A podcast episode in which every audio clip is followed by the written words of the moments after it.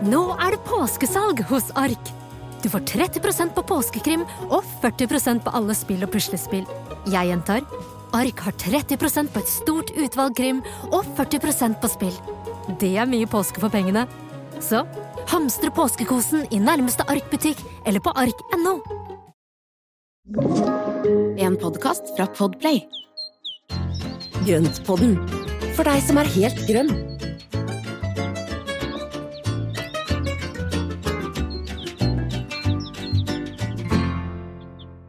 Hallo, alle sammen. Velkommen til Grønnpodden. Kan få du lov Hei, til hei! Ja, få lov Ja, det. til så fint. Og Ja. takk. Velkommen tilbake til påskeferie. Hvordan har det vært? Ja. Du, det har vært deilig. Vi har vært her. Det har vært sol. Hva mer kan man Mhm. ønske seg? Du Nei, da? går du på si. fjellet, du? Ja, det har jeg også. Jeg har hatt en veldig begivenhetsrik påske. Jeg har jobbet som en gnu de første dagene, og så her hjemme. Og både med jobb-jobb og planteplanting, jobbplanting, hva skal man kalle det, plantejobbplanting? Det vil jo da si at jeg har fått i gang alle georginene nesten, og fått Mhm. potta om en hel haug og begynt å fylle opp drivhuset, og så dro vi en liten tur til fjells. Og da var vi der oppe i tre dager med enorme mengder snø. Mm. Og det er pent på fjellet, og jeg syns det er veldig fint med fint vær og alt dette her, men det er ingenting som slår å komme hjem til småplantene sine igjen. Og jeg var så ferdig med Jeg er så ferdig med vinter. Så jeg ville hjem til vår igjen, så det var veldig Ja. godt å komme hjem og liksom se at alt står bra til. så Er du, påska i et nøtteskall. Mm. Ja, ikke sant? Er du da sånn at du på en måte stritta det litt imot å skulle reise til vinteren? Ja, definitivt. Det gjorde det. Mm. Men så var det egentlig veldig godt også, fordi jeg hadde fått gjort unna så mye før vi dro oppover, at når jeg da var der oppe, så var jeg egentlig tvunget til å slappe av i to dager, Mm. og det var egentlig litt ålreit, fordi jeg kunne ikke gjøre noe mer. Nei. Så, Nei, men det det var liksom, så det var egentlig fint. Så alt i alt en fin påske, og jeg håper og tror at alle andre også har hatt like fint vær, for det var jo helt sjukt. Det Mm. var helt magisk vær i påska. Ja. Altså helt uvirkelig. Jeg, kan, jeg Mm. tror jeg, vet, jeg, skal, jeg skal si det her, men altså, det bare, jeg tror aldri jeg har vært så bevisst på sol og vår noen gang før. Det er akkurat som jeg liksom nesten aldri har opplevd før. Det har jo vært vår en god altså, Nå blir jeg jo 50 år, jeg har jo opplevd vår før. Men det føltes bare sånn wow, går det an, liksom? Sol? Ja, Sol som varmer litt, Den- til og med på nesetippen? Wow! ikke sant? Nemlig. Merkelig gøy.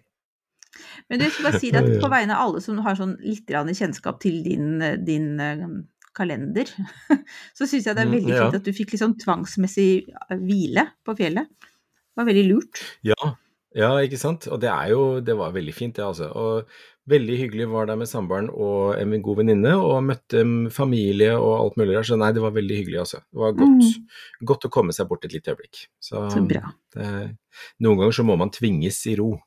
Ja, sånn er det bare. Og nå skal jo vi Mm. se fremover, for vi skal jo snart på Hagemessen. Vi begynner å, å få liksom litt mer dreisen på både innspillingsplanen vår og litt hvordan studio skal se ut. Selv om det fortsatt er mange Ja. baller i luften. Ja, det er Um, litt sånn ur, ja, urolig. Altså, hva heter det? Sånn urovekkende mange baller. Jeg føler jeg, jeg driver og tenker mye på det, og er veldig spent på hvordan vi skal sy det sammen. Men det er jo veldig mange gode elementer. Men jeg er egentlig veldig god under, under press. Så jeg ser for meg at den dagen vi skal rigge, så kommer vi til å rigge så bare pokker. Det blir så fint. Og så har vi jo da vår eminente, vår uoffisielle tredje medlem av Grønnpodden, Pernille, med på laget. Ja, vet du hva. Som er altså Ja. Jeg må bare si sånn generelt sånn en allmenn anbefaling av Pernille Faye hvis noen trenger en estetiker til fingerspissene som kan ta bilder og Mm. altså gudene vite hva hun ikke kan gjøre. Så Ja, hun har jo tatt alle de fine bildene våre. henne. Ja, ja. Ja, alle de fine bildene, altså eh, coverfotoet vårt og alle de andre Mm. bildene som vi har lagt ut med, så det er jo tatt av henne. Det er kjempefine. Mm. Og hun har noen kreative planer i forhold til eh, studioet vårt også. Så det ja, Ja, vi er veldig heldige. veldig altså, vi er nesten uforskamma heldige som har Pernille med på laget. Men uh, nå skal Ja, vi ikke skryte mer, er for kanskje noen andre napper av, vet du. Jo, det kan vi Det få de lov lov til, til. på en måte. Nei, de får ikke lov til det, men samtidig så Noen burde liksom Ja. Det er en, en, en stor ressurs her i verden som heter Pernille. Ja. Som, eh, ja. Ja. De har veldig mye bra å by på. Men i hvert fall, vi lar det ligge nå. Hvis ikke så blir hun så høy på pæra, og det kan vi ikke ha nå. Jeg tror ikke det er så stor fare for. Nei, jeg tror ikke egentlig jeg heller, da. Jeg bare prøvde liksom å få oss videre. Vi som stoppa opp i denne sånne æres... eh, Hva heter det? Denne blomstrende Ja, æres den som æres bør. Ja da. Ja. Nei, men nå Så må det, vi gå videre. det er viktig. Ja. Ja. Nei, det For er, et det er mye vi skal snakke om i dag. Ja, det ja, har jeg et også. Jeg har et Fra liksom ros Ja. til ris, kan vi vel si. Ja, og det er eh, Jeg har en Instagram-venn, holdt jeg på å si. Vi har aldri møttes, men det er jo det som er så gøy med Instagram. Man får jo så inne kontakter og sånne ting. Eh, En veldig fin konto som heter Hagekunnskap. Ja, du, den, fikk, den har jeg oppdaga gjennom deg. Helt strålende. Og en som heter Joar der, som er, jeg syns er veldig, veldig god på Han er jo anleggskarter, har mesterbrev og er liksom fagutdanna. Er veldig god til å sette ting litt i perspektiv i forhold til dette med, med, med, med kunnskap rundt hage og dyrking. Eh, og også flink til å liksom eh, liksom ta litt tak når ting blir gjort gærent. Og Mm. det som skjer nå, og det har jo jeg sett eh, mange ganger, vi har hatt en del kommunikasjon rundt dette, og det som skjer nå er annet at en del av hagesentrene de sier at løp og kjøp kalk, nå skal det kalkes. Mm. Nei, det skal ikke kalkes. Nei. Dette er gammel overtro. Og for at man skal kalke, eller at det skal være nødvendig å kalke, så bør man ta P, altså måle pH-en ute i hagen. For det er ikke riktig at det, da, ting skal kalkes i hjel. Det er, ikke, det er ikke nødvendig å kalke så ofte, sånn som det hagesentrene sier at de skal gjøre. Mm. Og så er det én ting til, og ikke nok med det, det er én ting til. Du, nå skulle vi hatt videopod istedenfor. Det er veldig engasjement her nå. Ja, få høre. En ting til. Nei, men, jeg, nei, men det, det er én ting til, og det er eh, markdekke med prydbark og en solid duk under. Nei, man skal ikke gjøre det. Det er ikke bra for naturen, det er ikke bra for plantene, er ikke bra for mikrolivet, er ikke bra. Nei. Var det strengt? Ja, Ja, det såpass var kan det være. strengt. Ja, Ja, det, du nei, men såpass kan den. det være. Du føler vel at Nei, du har det- helt rett i det, så det tenker jeg du får, kan være litt streng ja, når du kjenner liksom at Ja, det Nei, men jeg syns det er så veldig dumt at man da bare skal løpe og kjøpe fordi man tror at det er eh, eh, Fordi at noen sier at nå må du komme og kjøpe dette hos oss, og så Ja. skal de tjene penger på det, istedenfor å komme med god kompetanse og velbegrunna liksom, kunnskap. mm. Eller, altså, det er jo ting som har vært kommunisert i tiår. At nei da, man skal ikke dekke til med en solid plastduk oppå jorda. For at det, du, du får jo ikke noe luft, oksygen, ned i jorda, og du, vannfordampningen og alt sammen, det, det, blir, det blir gærent. Men mange gjør jo det fordi at det ikke skal ha ugress, er det derfor de har det? Eller hvorfor Ja, men har altså, man du det? har jo gjerne altså Jeg har jo sett folk som har liksom dekka til et svært område med duk, og så legger de på prydbark, og så skjærer de et bitte lite hull der hvor planta skal ned.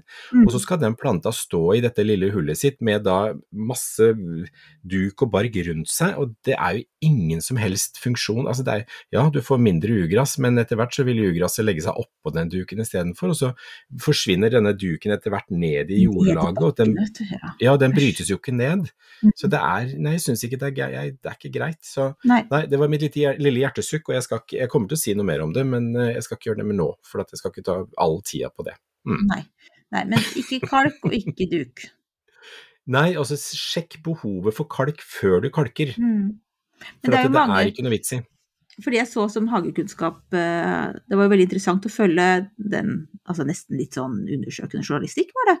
Mm. Mhm. Der jeg hadde tatt kontakt og fått liksom beskjed om at ja, kalke må du gjøre fordi at da unngår du mose, eller du tar knekken på mosen og sånn. Og det var sånn virket Ja. som det var mange som på en måte hadde det som standardsvar. Og det, det er vel veldig stor forskjell på det kunnskapsnivået som finnes da, rundt om på hagesentrene, ikke sant? Ja, men det, ja, det er jo det, selvfølgelig. Og, og det, men det, igjen, altså, kalk tar ikke fjerne mosen. Det du må gjøre, det er å stimulere gresset til å Mm. være så livskraftig at det, mosen ikke får, eh, får grobunn.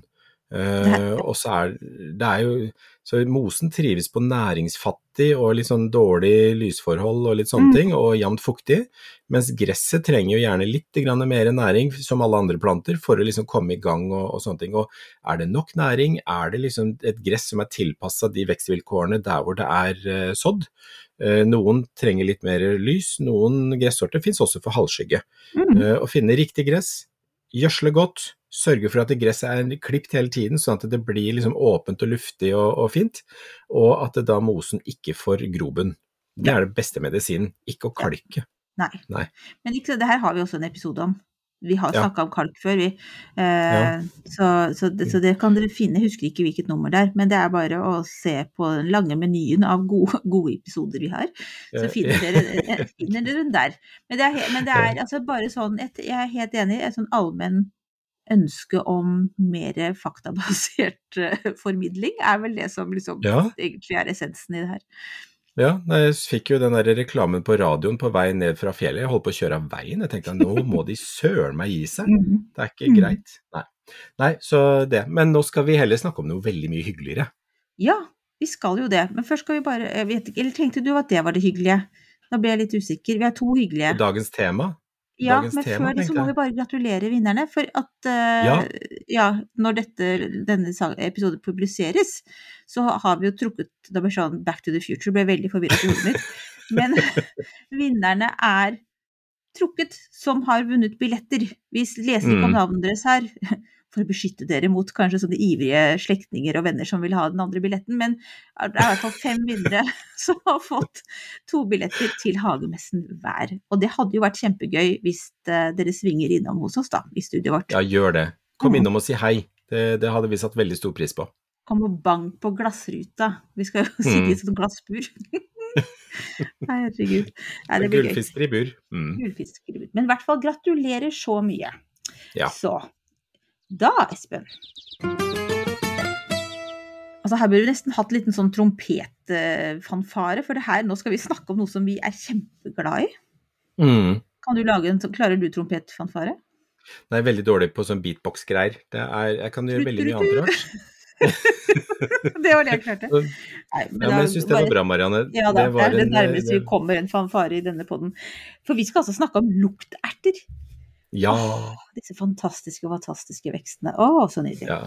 Ja. ja, men det er jo Altså, man må jo bare elske de. De er eh, De lukter godt, de er pene å se på, de er liksom De vekker sånne sommerfølelser, og den derre lette, fluffy, fine, herlige Altså blomsten som bare i store, deilige buketter som er bare som en sånn kremdott som du bare har lyst til å spise opp. Det Det er er bare som sånn ski. Det er ja. bare sånn, det er Ja. sånn ja, Du kan liksom ikke på en måte stirre deg mett på dem, fordi at de er litt vanskelig å på en måte gripe an. Sånn, fordi at det er liksom alle disse herlige små bladene og i Mm. nydelige farger og ja. Nei, de er kjempefine.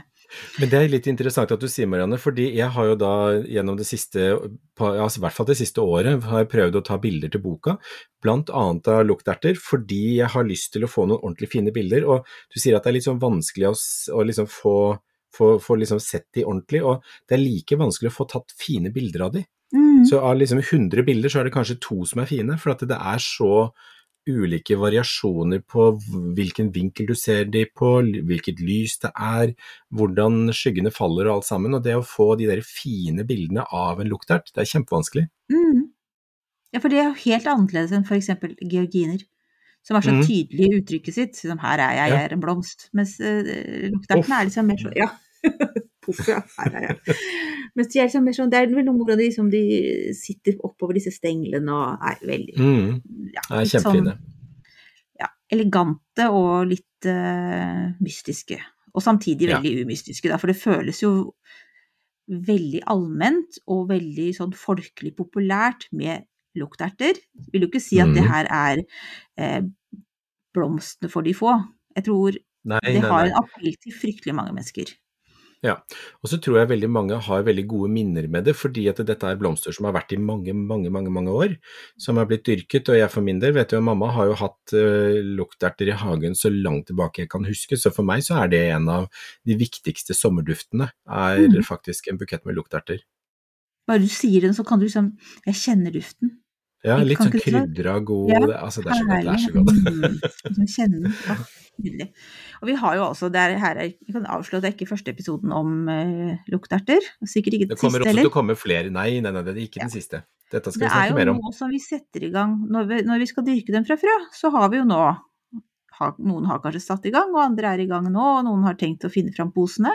Det er som på denne tiden som vi freser i gang med å sette disse herlige små ertene i. Mm. Mhm.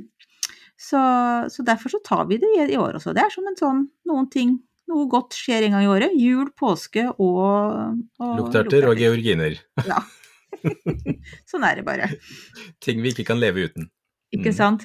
Altså, I fjor så husker jeg at jeg hadde gjort skikkelig lang research på, på historien ja, til Latyrus odorantus. Mm. Eh, du kan jo ta en kort sånn liten recap på den i år også. Fordi at det her er jo da en, en vekst som finnes naturlig i middelhavsområdet. Man kan jo bare bli litt misunnelig på det. Eh, mm. Hos oss er den jo ettårig, så vi må jo kjøre i gang med såing og dyrke det frem hvert år. Um, og så er det sånn at det kom oppover da med disse munkene. Det er så typisk. Hadde det ikke vært for kloster og munker og sånne ting, så hadde jo vår, eh, altså våre bed sett helt annerledes ut. Rett Ja, og det, slett. hadde, ja, det, er, det er egentlig en morsom tanke, for at det er jo veldig mye av det som kom opp med dem. Ja, veldig, veldig mye. Sånn som de preger fortsatt vår kultur Det var- gjennom det Det var arbeidet. ikke de, sa, var ikke de samme importreglene, for å si det sånn. Du, det var ikke det, vet du. De hadde, tok det, putta noen frø nedi den lille veska si eller noe sånt, og kjortelen og rusla av gårde.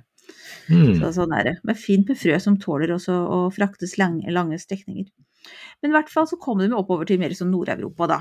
Eh, og så har det blitt aktivt dyrket siden 1700-tallet.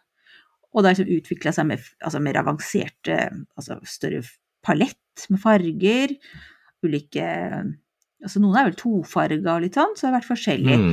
Og så sånn gikk det da utover fram til slutten av 1800-tallet. Så var det først en som het Henry Eckford, som han dyrket fram sånne, en variant med større blomster og eh, skikkelig godt med sånn duft og imponerende utseende.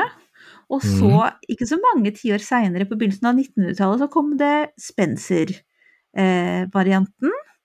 Eh, og det er jo Spencer som da i prinsesse Diana Spencer.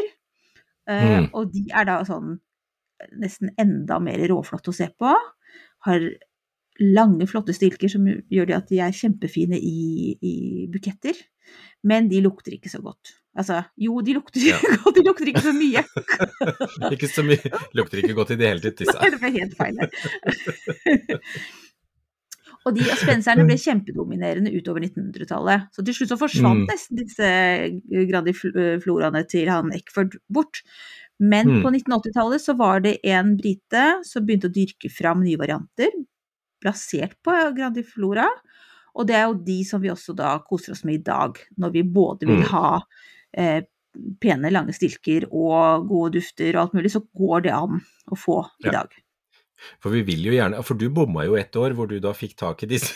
Det er derfor jeg liksom kjenner, kjenner jeg kjenner liksom uh, Hva heter det rettferdig harme over å ha bomma helt og dyrka frem bare spenster et år. Og de var jo pene, Ja. men de lukta jo da stusslig. Så sånn Ja. er det.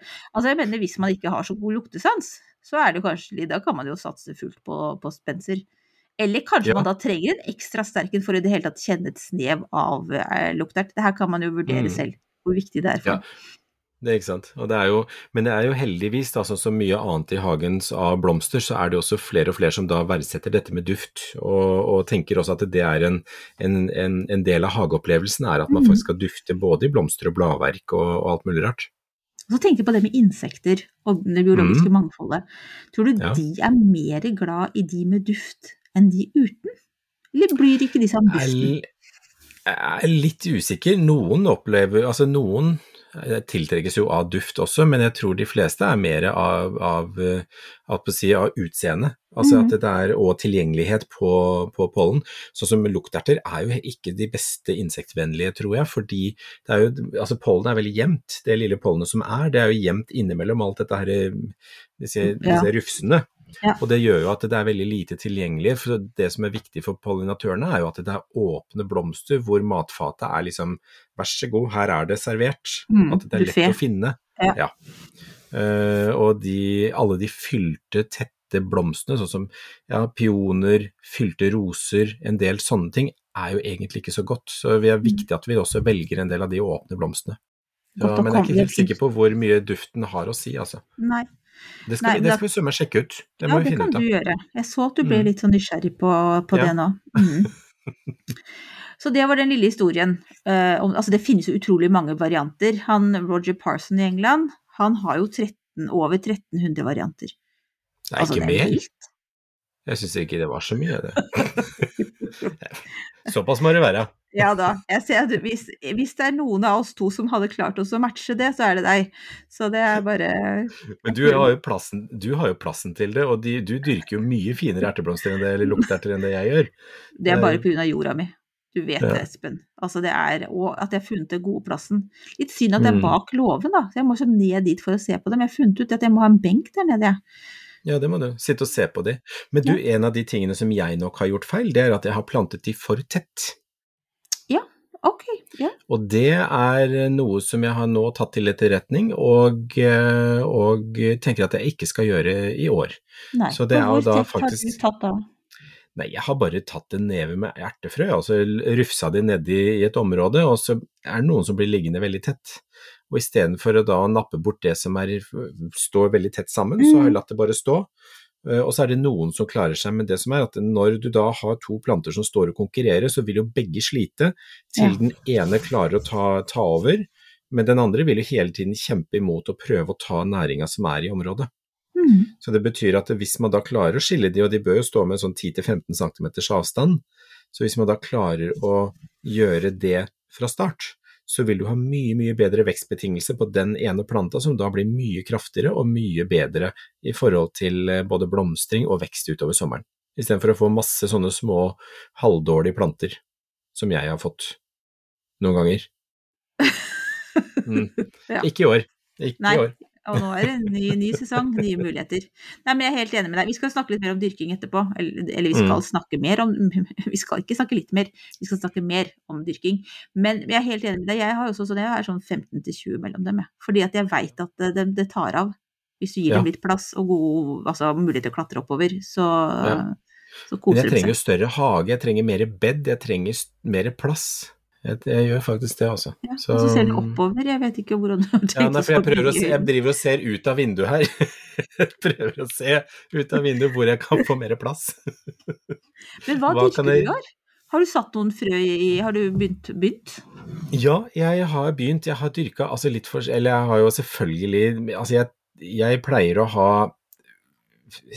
ja, seks til åtte tomatplanter, og selvfølgelig så har jeg prikla ut nå nesten 40, så det har jeg jo den vanlige over, overdimensjoneringen der. Og så, er det jo selvfølgelig litt agurk som kommer i jorda snart, og så har jeg litt uh, sånne ting.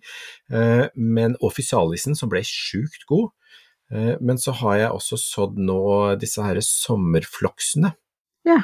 Som er denne sherry karamellen som jeg hadde i fjor, som jeg bare ble så betatt av. Uh, og så har jeg også en som heter Bridal et eller annet, som er sånn rosa sjatteringer og hvit, som er også mm. kjempefin. Så, og, kjempe, og selvfølgelig kjempeverbena, georginer, alle de. Og så har jeg en hel gjeng med kosmos som skal Ja, og så har jeg, liksom- ja, så har jeg noe Jeg gresskar. lurer på hvilke lukterter du skal dyrke, da.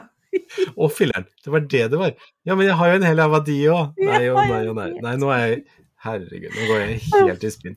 Nei, det er så mye gøy. Det er så mye gøy. Jeg har jo kjøpt en hel bunke med, fra hun Cecilia Winblad, Mm. som, eh, som jeg fikk, og de er jo kjempefine, søte små poser og sånn, men det er en som heter Earl Grey som jeg er mest spent på. Oh. Ja, Som er den er litt sånn Den er hvit i bunnfarven, og så har den sånne spettete sjatteringer i dyp burgunder. Sånn blå, blågrå. Kjempefin. Mamma hadde den i fjor. Superfin. Veldig, veldig fin. Jeg fant den på Garden Living for litt siden, og den, den måtte jeg bare ha. Ja, den er helt nydelig. Da må dere google, Mm. folkens. Kjempefin. Det, Ja, den er litt sånn den- stripete. Den var veldig nydelig. ja, den er kjempefin. Lange, sterke stilker, god lukt. Altså, må bare ha. Og den er altså da fra New Zealand, står det. Skal jeg lese det Ja. opp? Og det var jo noe som det vi snakka om, for det skal vi komme litt over til etter plingelingen. Men Mm. om hvordan man skal ordne frøene. Bare, bare kort at i dag så kommer mange av frøene, eller ertene, eller hva skal vi kalle det, fra New Zealand og fra Malta. Tynnere Mm. skall, ikke nødvendig å bløtlegge dem. Vi begynner der, vi. Så nå tar vi en liten pause, og så kommer vi tilbake med dyrkningstips. Ungsamtalen fra DNB er økonomisk veiledning tilpasset deg som er ung.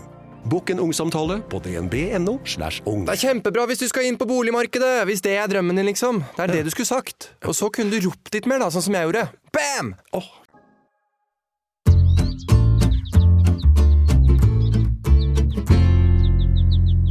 Ja, Espen, altså nå skal vi snakke om hvordan vi dyrker eh, lukterter. Altså jeg må jo bare si at jeg koste meg med oppramsinga di. Fordi det var liksom altså, Og du ble så blid, og du ramsa opp og du ramsa opp og du ramsa opp, og du kunne sikkert holdt på i fem minutter til, tenker jeg, hvis ikke Ja, jeg hadde stoppa deg. Jeg burde jo nesten bare latt deg holde på, men jeg tenkte at vi tross alt så, så er det temaet er Er luk- lukterter, da. Nemlig, nemlig. Men jeg kjenner fortsatt at jeg er veldig varm og litt sånn flau over da min eh, monolog om eh, Ja, nei, jeg bladde meg gjennom frøkatalogene her, eller frø, frøbunkene mine. Nei da, men det vi skal gjøre nå er jo dyrkningstips Yes. og luktert. Absolutt. Og luktert, ja. Ehm, ja. Så jeg er jo i gang allerede. Og jeg har vel nå flink. ikke- Når var det begynte jeg? Begynte i uke tolv. For det Mm. sa Cecilia Wingård at, at man kunne, så da så gjorde jeg det. Og nå Ja. er de godt i gang. De har spiret opp og er nå satt ut. Så, sånn som jeg gjør det, er at jeg fyller da eh, man, kan jo gjøre, man har jo disse flotte sånn pluggbrettene og sånne ting. Jeg har ikke så fancy ting. Jeg har fylt eh, eh, kvadratiske sånne svarte potter, sånn cirka ni, Mm. ni vel i diameter, eh, med god jord. Så trykker jeg det ganske godt ned, vanner godt, og så setter jeg frøene oppi. Så tar jeg litt mer jord på toppen, kanskje 1-2 cm, trykker godt ned og vanner enda mer. Mm. Og så setter jeg dem Og først så står det jo inne. Mm. Ikke sånn altfor Men, varmt. men Marianne, jeg må, må Ja. spørre om en ting. Hvor mange frø har du da i hver av de 9 centimeterne med potter? Sikkert altfor mange. Men jeg Jeg vet ikke, kanskje ti? Altså, jeg vet ikke. Oi, men det, såpass, ja. Ja, Ja. de stikker opp alle sammen.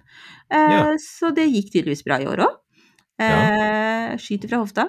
Uh, og så ja, så har jeg satt dem på gjesterommet, for her er det ja, Gud, hva kan det være? 18? 19? Mm. Og så er det sol. Så det er ikke Ja, det sånn høres fint ut. Ja, så da har de stukket opp, og så, når det er gjort, så setter jeg dem ut. Jeg kunne satt dem i en pose med en gang, men jeg gjorde faktisk ikke det. Men da setter jeg dem inn i en, en pose, og så setter jeg dem ut på verandaen. For da blir jo det litt sånn, det skjermer jo litt, og skaper en liten sånn skjerma miljø, samtidig som de da har det ganske kjølig og fint og blir sterke, robuste planter. Det er det som er Mm. målet. Ja. De vokser vel Det er saktere, tenker jeg, enn det de ville Ja. gjort hvis jeg hadde latt dem stå varmt og, og fint inne, men da ville de blitt puslete og, og slengete og lange.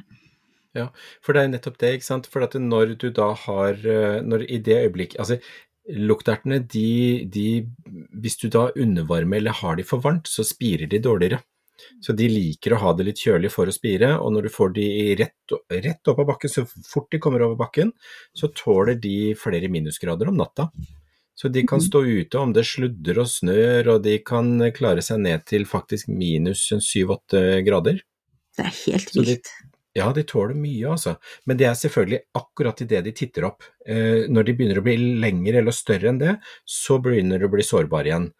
Eh, men hvis du da får de ut akkurat da, så vil da de bladfestene vil bare vil kort vei mellom hvert bladfeste, og da får du de tette, sterke, fine plantene. Eh, og har du det inne, så blir det fort vekk flere centimeter mellom bladfestene, og de blir spinkle. Veldig ofte så blir de litt sånn derre De får seg en knekk når de kommer ut, hvis de har stått Mm. inne for lenge. Mm. Hvordan gjør du det? For du legger dem i bløt, for jeg gjør jo ikke det.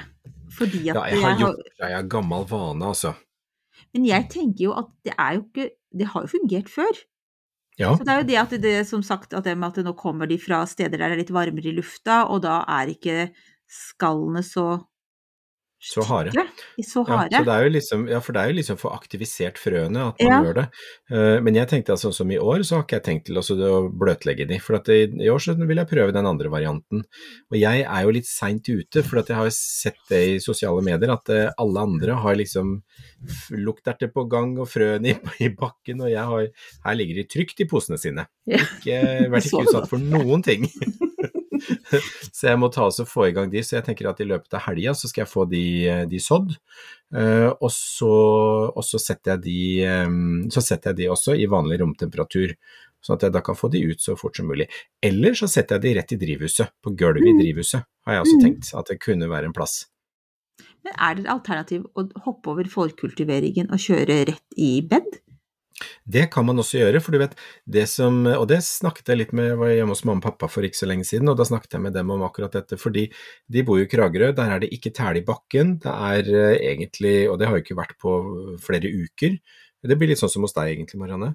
Uh, og det jeg foreslo der, det er at de da hadde, for der har de et gjerde som, de rydda opp i en hekk i fjor, som gjorde at det ble veldig åpent gjerde på, på et strekke av, av tomta. Eh, og foreslo der å lage en da lita renne langs med hele gjerdet, og så spa, uh, spave ned det, og så dytte ned erte, eller luktertfrø, Mm. eh, med da en ja, rundt 15 cm avstand, for å få da en hel hekk med lukterter langs med der. Jeg tror det blir veldig fint. Ja. Men det, der så, så sier jeg at det, det å få de frøene rett ut nå, det når jorda er liksom klar til å bearbeides, det skal jo ikke skade. For at det, når de da kommer opp, og hvis det skulle komme en frostnatt eller to, så er ikke det noe farlig, for det tåler de. Mm. Så, så jeg tenker at det å Bor man da sånn at det går an å hakke seg ned i jorda, at den har litt temperatur, så ville jeg ha sådd rett ut. Her er det jo båndtæla fortsatt, det er jo Mm. isklaka overalt. Vil det si at hvis du hadde gjort det da, når du kan gjøre det, Mm. ville du da kommet for seint i gang? Slik at det blir seinere blomstring og sånn, eller vil du fortsatt, kan det være et alternativ for deg? Du har jo så mye annet å gjøre, tenker jeg. Så Ja, du ja, ja, det er godt, godt tenkt, og jeg har gjort det. Og Mm. de, de som jeg har sådd da direkte, de, de kommer litt senere i gang.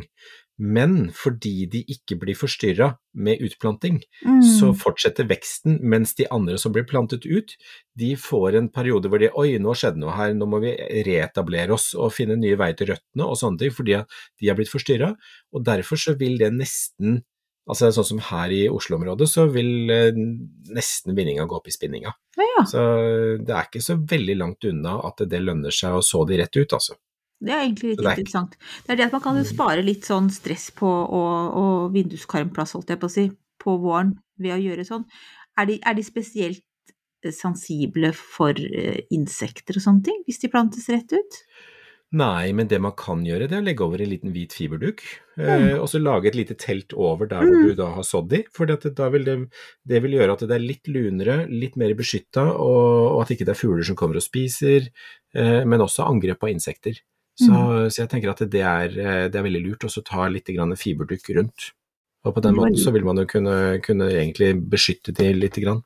Mm. Så, så jeg tror det er, jeg tror det er det Ja, jeg ville nesten anbefalt, og det gjør jeg med en del sommerblomster som jeg har funnet ut at jeg gidder ikke å så de inne først, fordi det å behandle de, herde de, plante de ut, det gir så mye forstyrrelser at de trenger allikevel lang tid på å liksom etablere seg.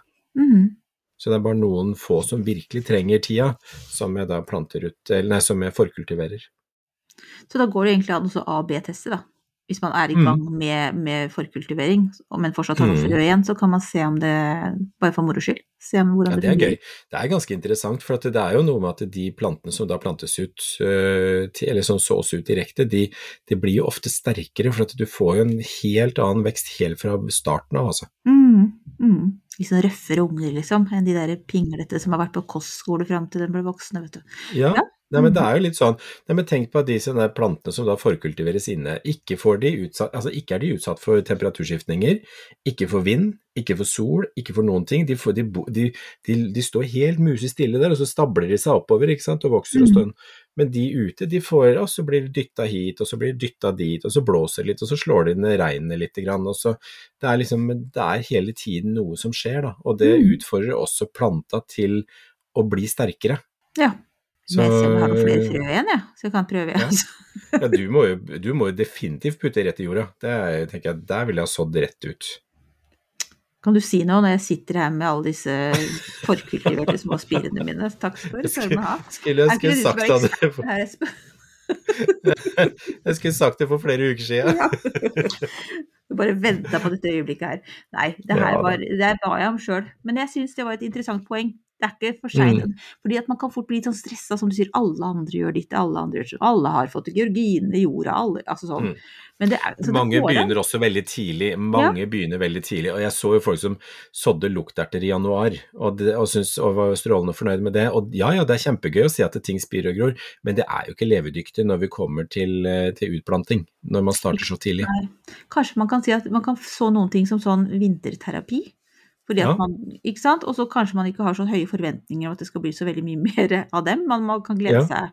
Da kan man f.eks. lage en eh, agurkgardin, da. Eh, Ja, eller, men eller sånn eller sånne, hva heter det, blom, ikke blomkarse, men karse. Altså gjøre litt sånne ting som Ja, ja, det er også gøy. Men de agurkene dine smakte jo godt, gjorde de ikke det? Og de var kjempegode. Aldri smakt så gode. Du vet at jeg har aldri lykkes med agurker ut på friland eller noe, så det her var jo sånn åh, Hele familien, da, inkludert da eldste, eldstemann og, og samboeren hans, som var på besøk her i påsken, vi, liksom, vi skar opp den lille stakkars agurken i skiver. Alle smakte litt på Alle var så fornøyde og syntes det var helt stort. Fantastisk. Én bit i hver. Altså. Høytidelig. Høytidelig. Ja, ja, ja. Det var en liten sånn liten, eh, ja, Et lite høydepunkt i påskefeiringen. Ja, så bra. Men eh, jo. Og så har vi altså da, enten vi nå har forkultivert eller de kommer opp, så er det noe, skal man da knipe litt av noe ting for å gjøre dem litt eh, ekstra robuste? Det kan man gjøre. Og det å knipe toppskuddet, altså knipe av toppen, og det gjør man jo ofte for at det, stimulerer jo sideskudd til å, etableres. Da går det beskjed tilbake i planta at sette ut sideskudd. Og da det å knipe kanskje over ja, tredje, fjerde bladpar, så vil den da begynne å sette sideskudd nede, og så får du en tettere plante fra bunnen av. Så det er, eh, det er alltid lurt eh, å knipe toppen på de tingene man vil at det skal bli buskete fra bånn av, og mer, sånn, mer fyldige planter.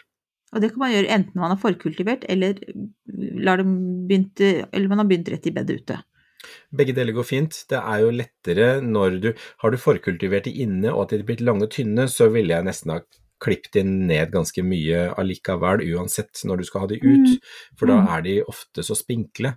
Men har du forkultivert de ute, sånn at de har stått og blitt ordentlig kompakte og fine, så er det veldig fint å bare knipe toppene, og så vil den komme med ja, alt fra to til fire skudd fra bunnen av. Avhengig av hvor mye krefter som er i rota.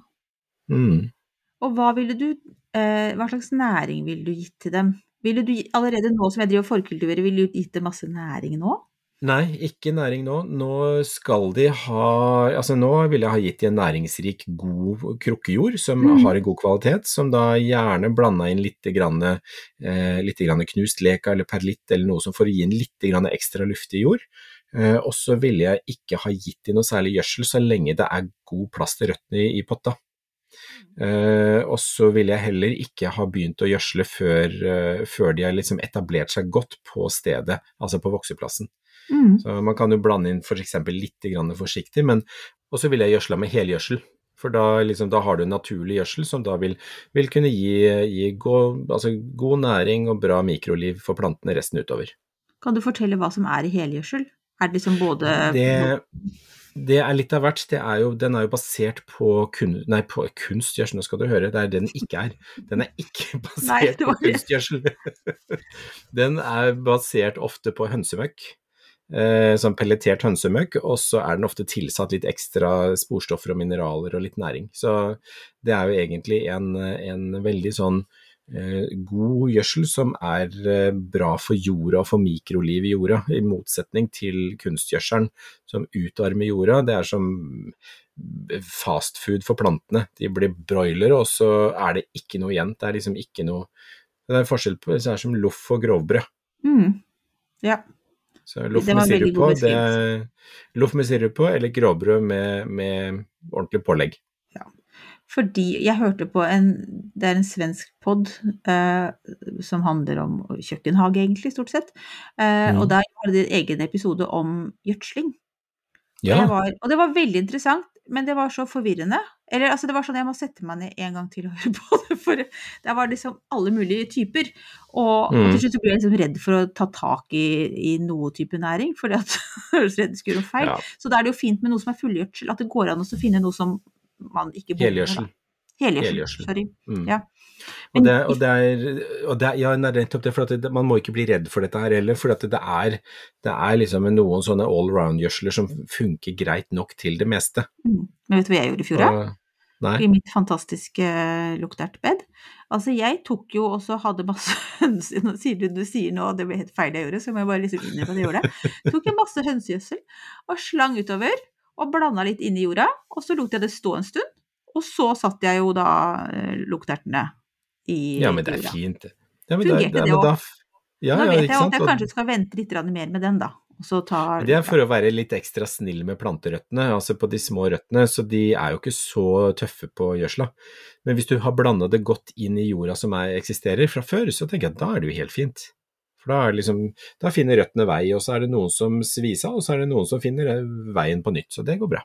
Det her er det jeg liker Det så godt med deg. At du kan forklare hvorfor. Hvorfor det er sånn. Hvorfor liksom, kanskje det er dumt å ha altfor mye at det, det blir litt sånn slitsomt for plantene.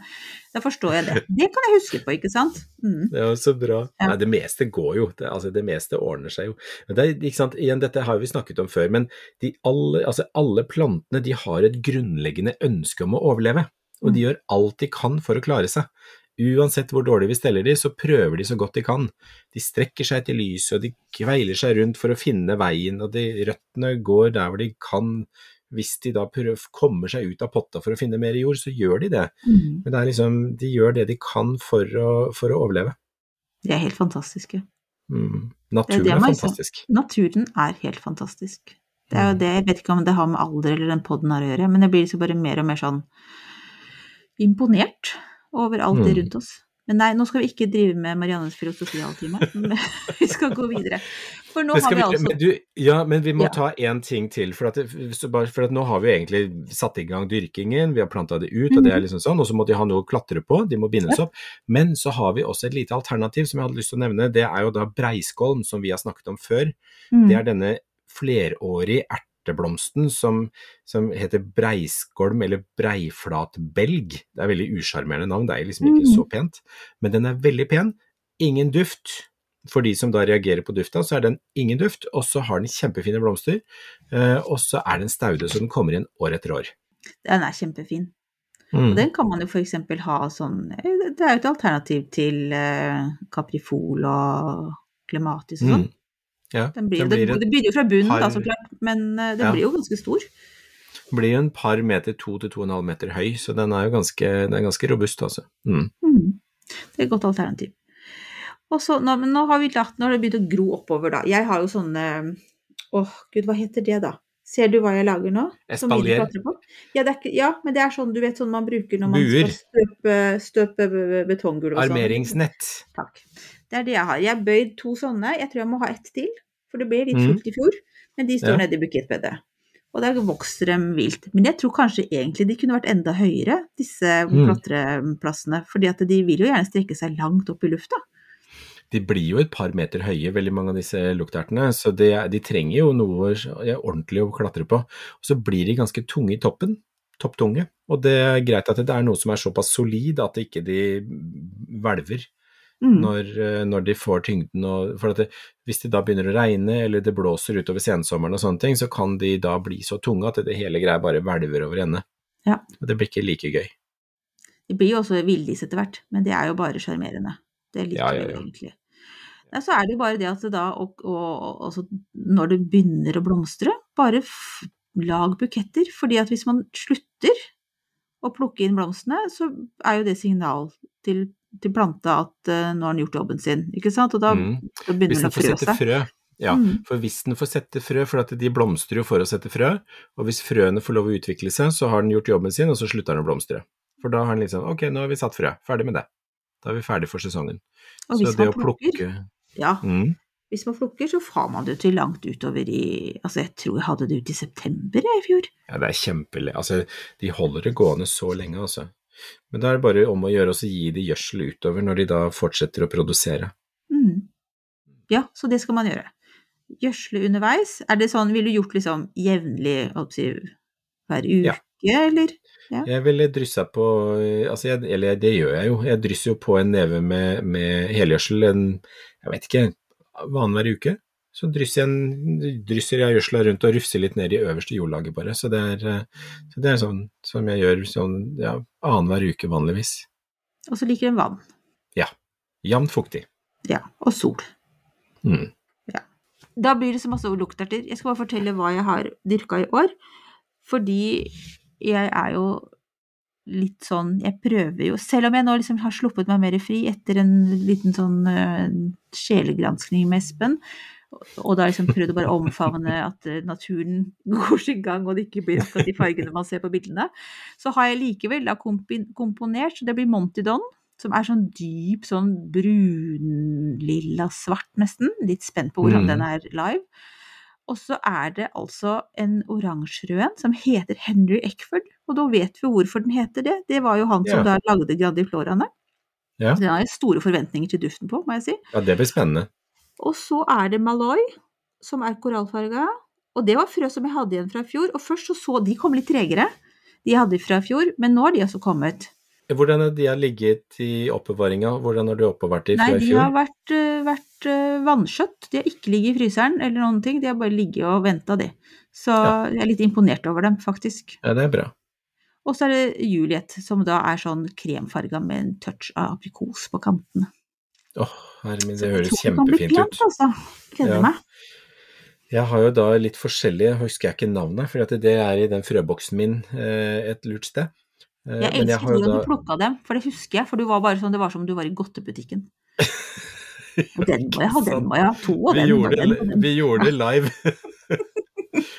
Jeg valgte jo bare sånn litt ton i ton, at det skulle da gå fra det kjølige rosa-lilla over i nesten burgunder.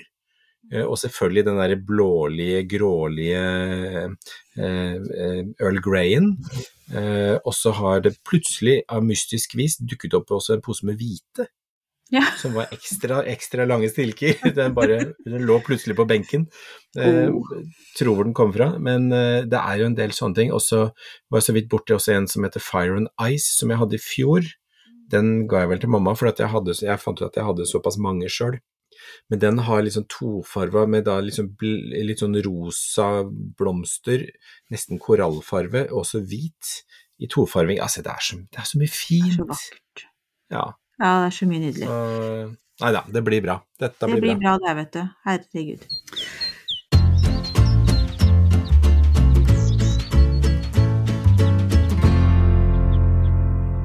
Da avslutta vi litt sånn brått og brutalt med Altså, vi kunne jo snakka om det her i all evighet, men nå er det ferdig. Ja, nå er det ikke mer er, lukterter for nå.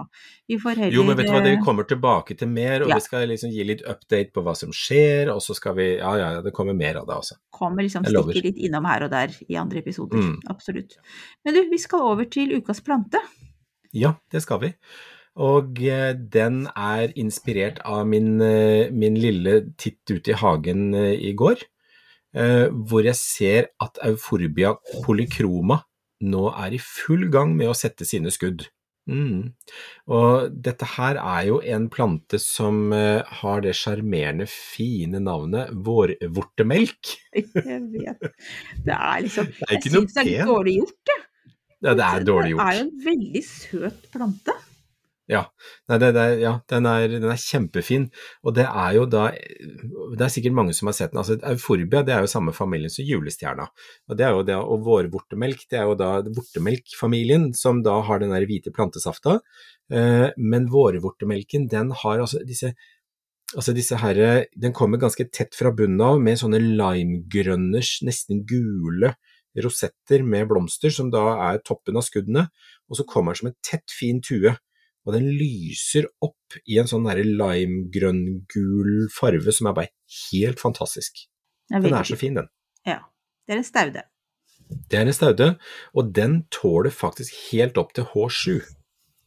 Ja. Og det er, det er, det er pinadø så tøft at den, den kan stå nesten hvor som helst i landet. Og eh, den, eh, den kommer fra Tyrkia, Sørøst-Europa, Libya. Den er liksom borti der. Og bortover mot, mot østover i Europa. Og, Mm. sikkert, opp, og sikkert også opp i litt høyere områder, siden den tåler såpass mye, ja, mye kulde. Mm. Ja, det var litt imponerende. H7, det er jo nesten hele landet, er det ikke det? Jo, det er jo det. Altså, vi har åtte klimasoner, så det er jo liksom det aller meste. Så kjempefin plante. Eh, Jeg har ikke sett den så veldig ofte i handelen. Jeg var så heldig å få en eh, bit av et vennepar, så den, eh, den er en, det er en gave. Så det å også finne noen som kjenner, eller finne noen som har den, eller å få en, eh, få en bit av noen som har den, for den er fin å dele, lett å dele, bare ta en liten bit ved siden av, og så skyter den opp, og da i løpet av et par år så har du en fin tue. Ja. Eh, ellers så så jeg også de hadde den til salgs ute på Mjærum eh, staudegartneri, som nå snart åpner. ja, ja, men det var et Mm. godt tips. Så Etter den der, var, der så har hadde de den i fjor. Nei, for de hadde den der i fjor. Vi valfarter bort dit og kjøper alle de har, vet du. Nei, men Ja, ja, det- ja. De er veldig fine tur. Den den er, veldig, den er en uh, Den er jo fin sammen med altså andre stauder som kanskje har litt mer diskré fargeprakt. Altså Den Mm. stikker seg ut, og den skaper jo liv i et bed. Hvis det har litt mørkere grønnfarge og sånne ting, så er den kjempefin sammen med det. Veldig det. koselig, syns jeg. Også, ja, og så blir den grønnere og grønnere utover sommeren, sånn at den demper, den demper jo det der, Men den, det førsteinntrykket er jo den, der, den intense limefarven. Eh, Jeg har, jeg har satt den ved siden av en tue med tarda, denne villtulipanen som er gul og hvit. Og den trekker opp farven fra det gule, og det gjør at den får, eh, får en veldig sånn fin kombinasjon. Digger den. Ja, veldig, veldig fin. Godt uh, tips.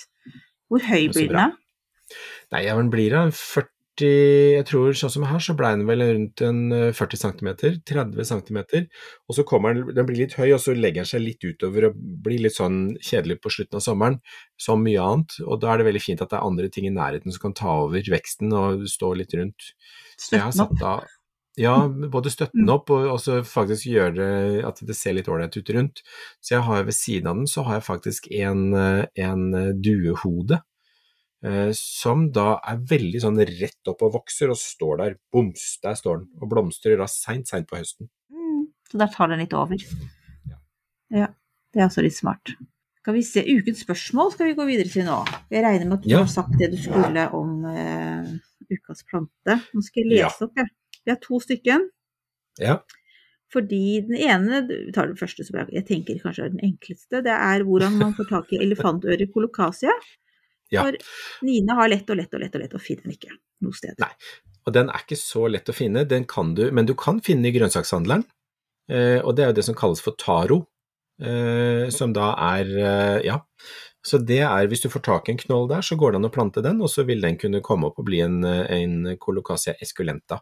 Ellers så kan jeg anbefale hagemessa, som er nå i neste uke. Der pleier det å være til salgs, og de siste Altså se bort fra pandemien, men de siste fem-seks gangene jeg har vært der, så har de den der. Og da har de ganske store, fine knoller. Og det er jo da normalt den grønne. I fjor så hadde de Black Magicen, som er da de svarte bladene, som er bare helt eh, Altså, den er magisk. Eh, men den er litt mer vrien å dyrke og er litt vanskeligere å få til. Så jeg sliter litt med den. Jeg hadde den i fjor, to stykker. Begge er døde. Ok, Stakkars meg. ja. Men da skal du vel kjøpe en ny en på hagemessa, da. Oh yes. Har de den i år, så skal jeg kjøpe to nye. Ja. Tenkte meg det. Så det er, eh, det er, den er på ønskelista. Mm. Da tar vi spørsmål to. Det er fra Ja. Gjøran, og han heter Jonsgaard til etternavn, så han må jo være en knakende kjekk kar, tenker jeg. Ja, Samme som Eh, deg. Ja, du vet. Han har altså en fire år gammel dragefrukt Ja. som kun vokser seg lang og tynn. Mm. Skulle gjerne sett den vokse seg litt kraftigere. Jeg har også slitt med dårlig rotvekst. Hva sier Ja. du til det, Espen? Eh, hvis det er som jeg tror, så er dette den pitayaen som er eh, dragefrukten, og da er det en eh, Er det hylocereus den heter? Det er en, en bladkaktus. Mm. Da er det en bladkaktus som er i disse eh, samme variasjon som epifyllumene. Eh, Og det er jo en tropisk kaktus som da liker Altså den vokser jo som regel så vokser den epifytisk, dvs. Si at den vokser opp i grenfester, den skal ha sånn veldig løs, nesten orkidéjord, eh, kan den trives med, med litt, grann, litt mer enn jord enn orkideene, men mye sånn halv, halvnedbrutt plantemateriale, Mm. og, og litt sånn løst og lett og luftig. Eh, For hvis det blir for kompakt jord, så vil røttene kollapse. Så det er en ting. Og så bør den ha mye lys. Og på vinteren, hvis den er i vanlig romtemperatur på vinteren, så er det for lite lys hvis ikke den har et vekstlys over seg. Fordi, eh, og da bladene blir lange og tynne pinner istedenfor å få de der liksom bredere, mer kubbete. Mm. Så det man kan gjøre, det er å for det første gi den mer lys, senke temperaturen litt på vinteren. Da skal de kunne klare seg ned til 15 grader. Eh, vanligvis for epifyllumene så skal de ikke under 15 grader, for de er tropiske.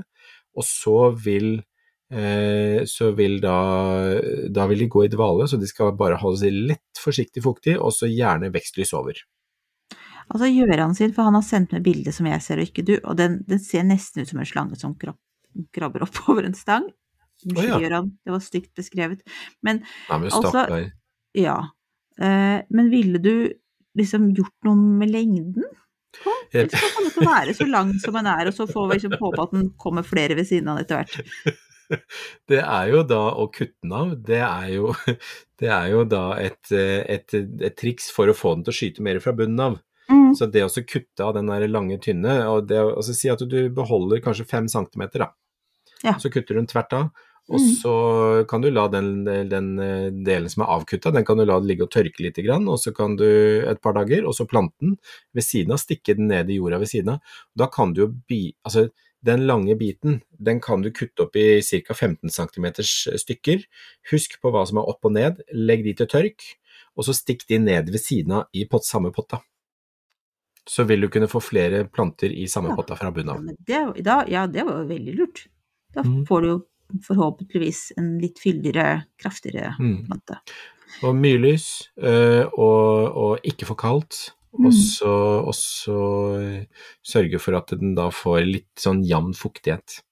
Og litt kaktusgjødsel. Bra. Lykke Mm. til, Gøran. Det var kjempespennende at du spurte oss om det her sånn. Det hadde ikke Jeg hadde ikke kunnet komme med disse rådene, det vet dere alle. Men jeg, jeg gleder oss over Espens evne til å svare på eh, masse rare spørsmål. Er så om gøy. det. Nå skal du få lov til å slippe å svare på flere ukespørsmål. Nei, det går fint. For, ja, jeg vet det, du tar det på strak arm, du. Altså, det morsomme er at Espen har ikke hørt om disse spørsmålene før vi sitter her og spiller inn. Det, Nei, det jeg har faktisk ikke fått, ja. jeg har ikke fått forvarsel på den. Nei. i det.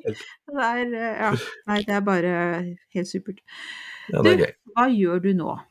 Nei, nå, nå, ja, nå driver jeg og fyller drivhuset, og jeg koser meg med å tømme vinterhagen og prøver å liksom plante om, potte om. Så jeg har, eh, jeg tror jeg potta opp 40 georginer, og jeg har jo plass til bare 20 av de. Men, eh, og det er liksom, det er mye planting. Mm. Eh, og så er det mye tankevirksomhet rundt hagemessa. Så jeg tenker veldig mye på hvordan vi skal rigge og få, ja, få ordna det, det og sånn, da. Har du litt høye Så- skuldre? Ja, men jeg gleder meg egentlig litt til å komme i gang og se at Mm. teknikken funker, og se at uh, ting flyter, for da, skal jeg, da tenker jeg at da skal vi bare kose oss. Ja, for det tror jeg også. Jeg tror det blir Så- kjempekoselig. Og ja. bare Ja. Nei, jeg, jeg, jeg har god følelse nå.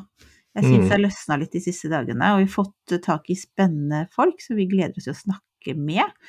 Mm. Og, ja, og så gleder jeg meg til å høre foredrag. Du skal jo holde foredrag, gleder jeg meg veldig til. Så det er laga ferdig. Nå har jeg laga det ferdig i påska, så nå, nå Det var en, en av de jobbene jeg skulle gjøre i påska, var å lage ferdig Mm. foredraget. Mm, Ja, så bra. Så det er bra. Det er gøy. Ja, Nei, det, blir, det, blir, det blir kos, altså. Så, men du, da, hva gjør du? Du? Har du også høye skuldre? Eller det er bedre? Det er bedre. Altså, jeg syns det var mye som landa faktisk i dag, så det var veldig Ja. bra. Jeg gleder meg. Jeg må jo liksom I og med at jeg kommer langveisfarende fra Det var et veldig rart begrep, men dere forstår hva jeg mener. Så er det så begrensa hva jeg kan bidra med av, eh, av ting og tang. Eh, Men eh, Mm. jeg skal ikke begynne å planlegge hvordan jeg skal pakke litt smart og sånn, så vi kan For vi har lyst til å skape eh, hyggelig stemning der Mm. for alle som går forbi, og gjestene våre, og oss. Så det, det blir bra. Jeg kjenner at den lille sånn interiørnerden i meg liksom får lov til å stikke hodet litt av meg. Så får vi se, Ja, da. men det trenger, det trenger vi, og det er veldig bra. Ja. Altså. Ja, Mm. så vi får håper det blir bra. Ellers så har jeg begynt på tregårds... Heter det? Jeg har begynt på et lite kurs om hagedesigners historie. Jeg tar det på norsk, for jeg husker ikke helt hva det egentlig heter. Som da er et sånt online-kurs eh, på eh, Universitetet i Uppsala, avdeling Gotland. Mm.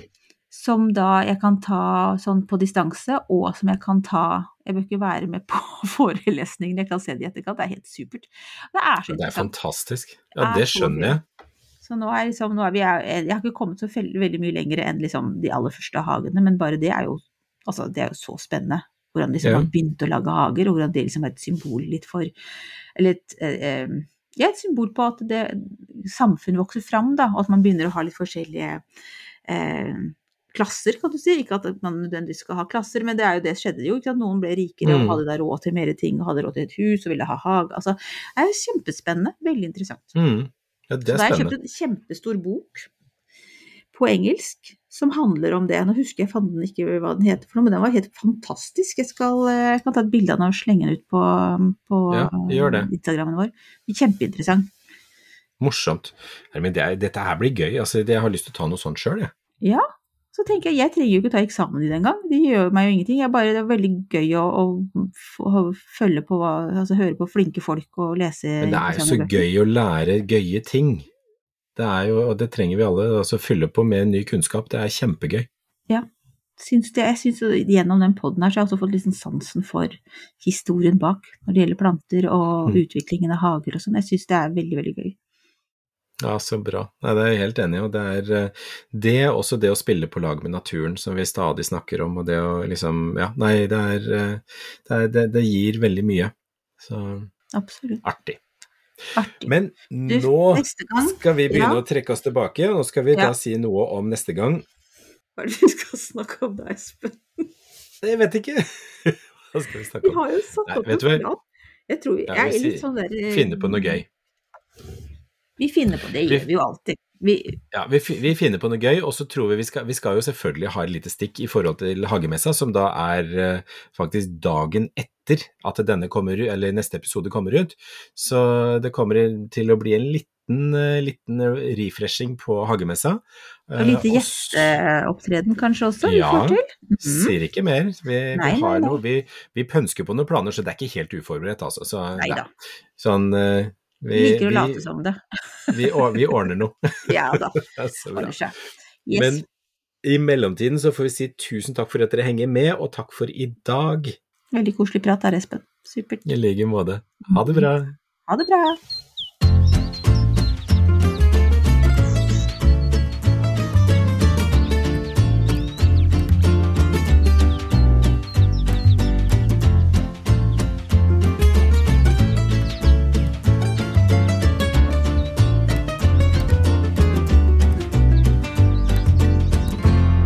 Du har hørt en podkast fra Podplay. En enklere måte å høre podkast på. Last ned appen Podplay, eller se podplay.no.